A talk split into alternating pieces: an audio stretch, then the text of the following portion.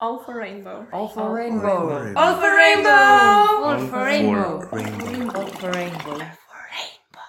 All for rainbow podcast je tukaj in uh, z mano je tokrat uh, Tjaša in skupaj bomo govorili o privolitvi in uh, postavljanju mej. Oziroma, če kdo bolje pozna v angleščini termine consent in boundaries.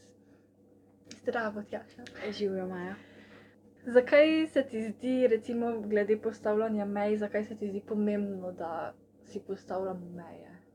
Zdi se mi to predvsem pomembno, zato ker se nekako s tem postavimo zase, za svoje potrebe um, in v bistvu prevzamemo neko vlogo, um, neko bolj aktivno vlogo v svojem življenju, ne samo pač, da čakamo, da se stvari zgodijo in pač tako kot je, je in smo odvisni od drugih, do neke mere itak, da smo.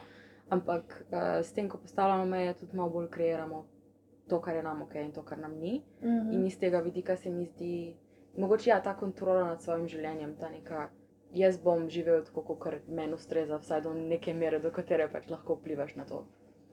Tako eh, pri postavljanju mej se je meni, vem, najprej postav, prišlo vprašanje v misli, uh, zakaj jih je tako težko postavljati. Mhm. Ne vem, jaz imam s tem že težave, pa ne vem. Tako si mislim, aha, zdaj Mislim, bom da pa do druge vsi. osebe, ne vem, se bo razmerje med nama spremenilo. In, Če postaviš meje, ja, misliš, da se bo ja. razmerje spremenilo. Aha. Ja, um, meni se zdi, da je postavljanje mej za večino ljudi nekaj ful težkega. Um, sploh zato, ker pač nas ni tega v bistvu noben naučil. To je nekaj, kar se prideš na neko točko svojega življenja, ker se nekako pričakuje, da si sposoben meje postaviti. Opa. Bretuje. Um, ja, prideš v neko točko svojega življenja, ko se pričakuje, da si meje sposoben postaviti, ampak v bistvu nimaš pa nobenih orodij. Noben ti ni dal orodij za to, kako pa se to dejansko izvesti. Ti samo moraš to narediti in to je zdaj nekaj navadnega, navaden ponedeljek in pač ni. To je ful težko. Meni se zdi, da je včasih to težko tudi zaradi tega, ker v bistvu sploh ne vemo, kakšne so naše meje. In da je tudi včasih težko najti ravnovesje med tem, da nisi konstantno v neki coni obdobja, obdobja, ne obdobja, udobja. To. Um, hkrati pa, da ne greš preko svojih mej. Um, zdi se mi, da je včasih iskanje tega ravnovesja lahko samo po sebi že zahtevno, plus pa zdi se mi, da je v tem svetu ogromno ljudi tako odtojenih od svojega telesa, da ne prepoznamo, ko nam sporoči, da smo šli čez neko mejo ali pa da smo blizu neke meje. In potem, veš, če ne zaznaš, da si blizu meje, ne moš meje postaviti. Um, in pa včasih gledaš za nazaj, pa se ti zdi, pa tukaj bi pa lahko kaj rekel, zakaj pa nisem, ampak nimaš, nimaš orodij, Ja. nimaš materijala in potem več ne gre. Zdi se mi, da ena stvar, ki je tudi tukaj mogoče to, da nas ima veliko občutek, da nočemo delati nobenih problemov, nočemo ustvarjati neke nepotrebne drame, čeprav pač to ni nepotrebna drama, ker odnosi ne morejo efektivno funkcionirati, če se ne postavlja mej, ker potem to ni nek um, odnos, ki je dober za vse vključene osebe, ampak je samo pač za tisto osebo, ki lahko meje postavi. Ampak velikrat je, sploh za ljudi, ki niso navajeni meje postavljati, tako, pa ne bom zdaj jaz delal tle problemov, pa pač zahteval nečesa, čeprav zahtevaš res tako minimum. Prosim, spoštuj me, to je tvoja zahteva. Včasih pa mogoče to, da pričakujemo, da ljudje poznajo naše meje, oziroma da se me imajo radi, se me poznajo, se ne bojo prečkati teh mej. In ljudje, kljub temu, da nas imajo radi, in tudi če dejansko nočejo prečkati naših mej, nimajo informacije o tem, kaj so naše meje, ker ima vsak drugačne. Tako da, ne vem, to so tako glavne stvari, ki meni tle padajo, ali pa so mogoče pri meni razlogi za to, da mi je težko meje postavljati včasih. To je ful dobra istočnica za moje naslednje vprašanje, uh, kako sploh postavljati meje, ker se mi zdi, da. um, Tako ko se jaz vprašam, aha, kje pa so zdaj moje meje, ali pa ne vem, ugotovim, recimo prepoznam situacijo, da pa je to nekaj, kar, kjer se jaz počutim neudobno Mhm. in bi bilo fajn postaviti mejo. Kaj zdaj narediti? Ne? Ja, Kako ali pa ne sploh? vem, mogoče je kako odkrit, če sploh ne, se ne poznaš tako dobro. Ja. Um, mislim, da pač tle so nekako dve faze. Ena je pač to, kar si na koncu v bistvu omenila, kako sploh odkrit, da je neki tvoja meja ali pa da si blizu svoje meje. Um, Meni se zdi, da če E, ena stvar, ki vem, da je meni pomagala, no, je pač to, da poskušaš biti v stiku s svojim telesom. Pa ne pomeni, da je to 24 ur na dan, ampak recimo, ko si v neki situaciji, tvoje telo se na vse odzove, še prej, pred imaš ti čas, v bistvu sploh veš, interpretirati to in analizirati in biti, aha, to pomeni to in to. Ker s tem ti vključiš svoje možgane in tvoji možgani lahko interpretirajo nekaj čist drugače. Tvoje telo ti pa sporoča, hej, v bistvu jaz tle umiram, meni to fulni ok, ampak tega ne prepoznaš. Tako da zdi se mi, da pri takih situacijah je najbolj, da si bolj kot na možgane pozoren na telo. Torej, ne na to, kaj ti glava govori, neka razumska razlaga tega, ampak dejansko, kako se tvoje telo odziva. A se ti je pospešil dihanje, a čutiš utrip srca, a se ti roke potijo. To je neki indikator, da ti ni udobno. Ne? Mhm. Tako da to je mogoče ena stvar, ki ti lahko um, pomaga prepoznati, da se bližaš neki meji. Kako postaviti meje, pa to je pa nekaj, kar tako bi ful rada bila pametna glede tega. Ampak ena stvar, ki sem jo ugotovila, pa spet v teoriji bolj kot v praksi, of course, um, je pač to, da ko postaviš mejo, da poveš dejstvo, da je to informacija in ne razlaga in ne utemeljevanje. Torej, ne vem, odločila sem se, da si bom dala nov tatu. Recimo, tako povem svoji mami, dala si bom nov tatu.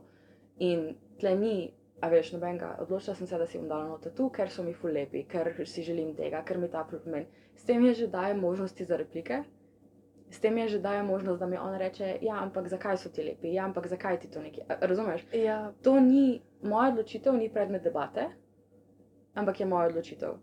In če nastopiš na tak način, da poveš neko dejstvo, se ljudje nimajo na kaj zagrabiti. No? Tudi recimo ljudje, ki mogoče, ker velikrat glih starši so taki odnosi, super ponovadi. zelo ja. Ja, ne želijo ne spoštovati tvojih mej, velikrat se sploh ne zavedajo, da to počnejo. In če jim ti pač ne daš tega, aha, zakaj, kako, potem nima kaj, potem je lahko sam tam neki, neki je cla in tam stoji, no, aha, ok, v redu, kaj ne zdaj s to informacijo. In so tudi oni ful presenečeni, ampak to se mi zdi en tak najboljši način, da sam poveš. To je dejstvo in to je to. In sporočam ti to zato, ker bi ti rada to povedala tako, kot da samo ne vem. Vidiš, da sem si pobarvala lase ali pa kakorkoli, ampak ne zato, ker me zanima, kaj ti misliš o tem. Zdaj, ko govorimo veliko o postavljanju mej, um, se mi zdi, da je tam tukaj neka povezava tudi uh, s privolitvijo. Kje ti vidiš mogoče uh, to povezavo? Meni se zdi mogoče povezava predvsem v tej točki, da oboje izhaja nekako iz spoštovanja samega do sebe in do neke ljubezni samega do sebe. Pač, kot sem v bistvu že na začetku rekla, ne s tem, ko ti postaviš neko mejo, um, sebe postaviš na ne nujno zdaj prvo mesto, ampak upoštevaš to, kako se ti počutiš glede situacije. In pri, Mhm. um, pri volitvi se mi zdi isto. Um, jasno, zdaj odvisno od situacije, ampak načeloma pri privolitvi še bolj pomembno, ker pač so drugačne posledice. Um, ampak ja, to, da pač upoštevaš to, kako se ti počutiš glede situacije, to se mi zdi ena skupna točka v obeh Mhm. teh dveh. Pa mogoče um, tudi to, da to predvsem se sicer uporabljajo te termini, ko govorimo o spolnosti, ampak veš, soft limits, hard limits. Um, to je mogoče nekaj, kar bi lahko aplicirali tudi na postavljanje mej nasploh. Ne? Ta, ta ideja, ko ti se bližaš meji in čutiš, da telo je ok, nekaj se dogaja, po drugi strani pa ok, absolutno sem šla prek meje, ne morem funkcionirati. Tudi to se da aplicirati in pač to prepoznati. To je, to je nek normalen diskurs, v, ko, se, ko govorimo o spolnosti, ampak bi lahko bil tudi čisto normalen, ko govorimo o navadnem postavljanju mej. Ne? Stvari, ki si jih mogoče pripravljen probati, ker nisi siguren, pa stvari, ki absolutno veš, da jih ne želiš probati in se o tem sploh ne bomo pogovarjali. Ja, um, se mi zdi, da, dosti, da ima veliko vlogo pri tem komunikacija. ja, ja, ja. In da uh, se mi zdi, da nasploh ne znamo zelo dobro komunicirati. Absolutno.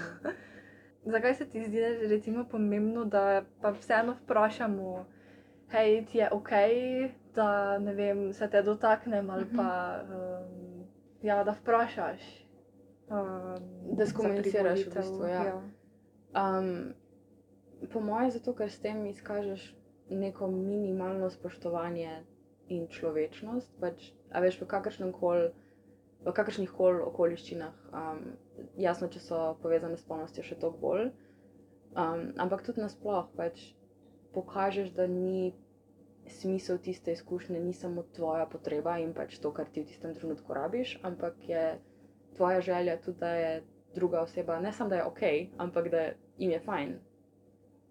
Na zadnje sem potem tudi razmišljala o tem, recimo pred kratkim. Um, smo sprejeli ta zakon, ali um, Ja, ne vem, zakon. če je zakon ali samo um, a, re, redefinicijo To. zakona uh, v Novelo samo zakona, ja, ja. pomeni ja. Ja.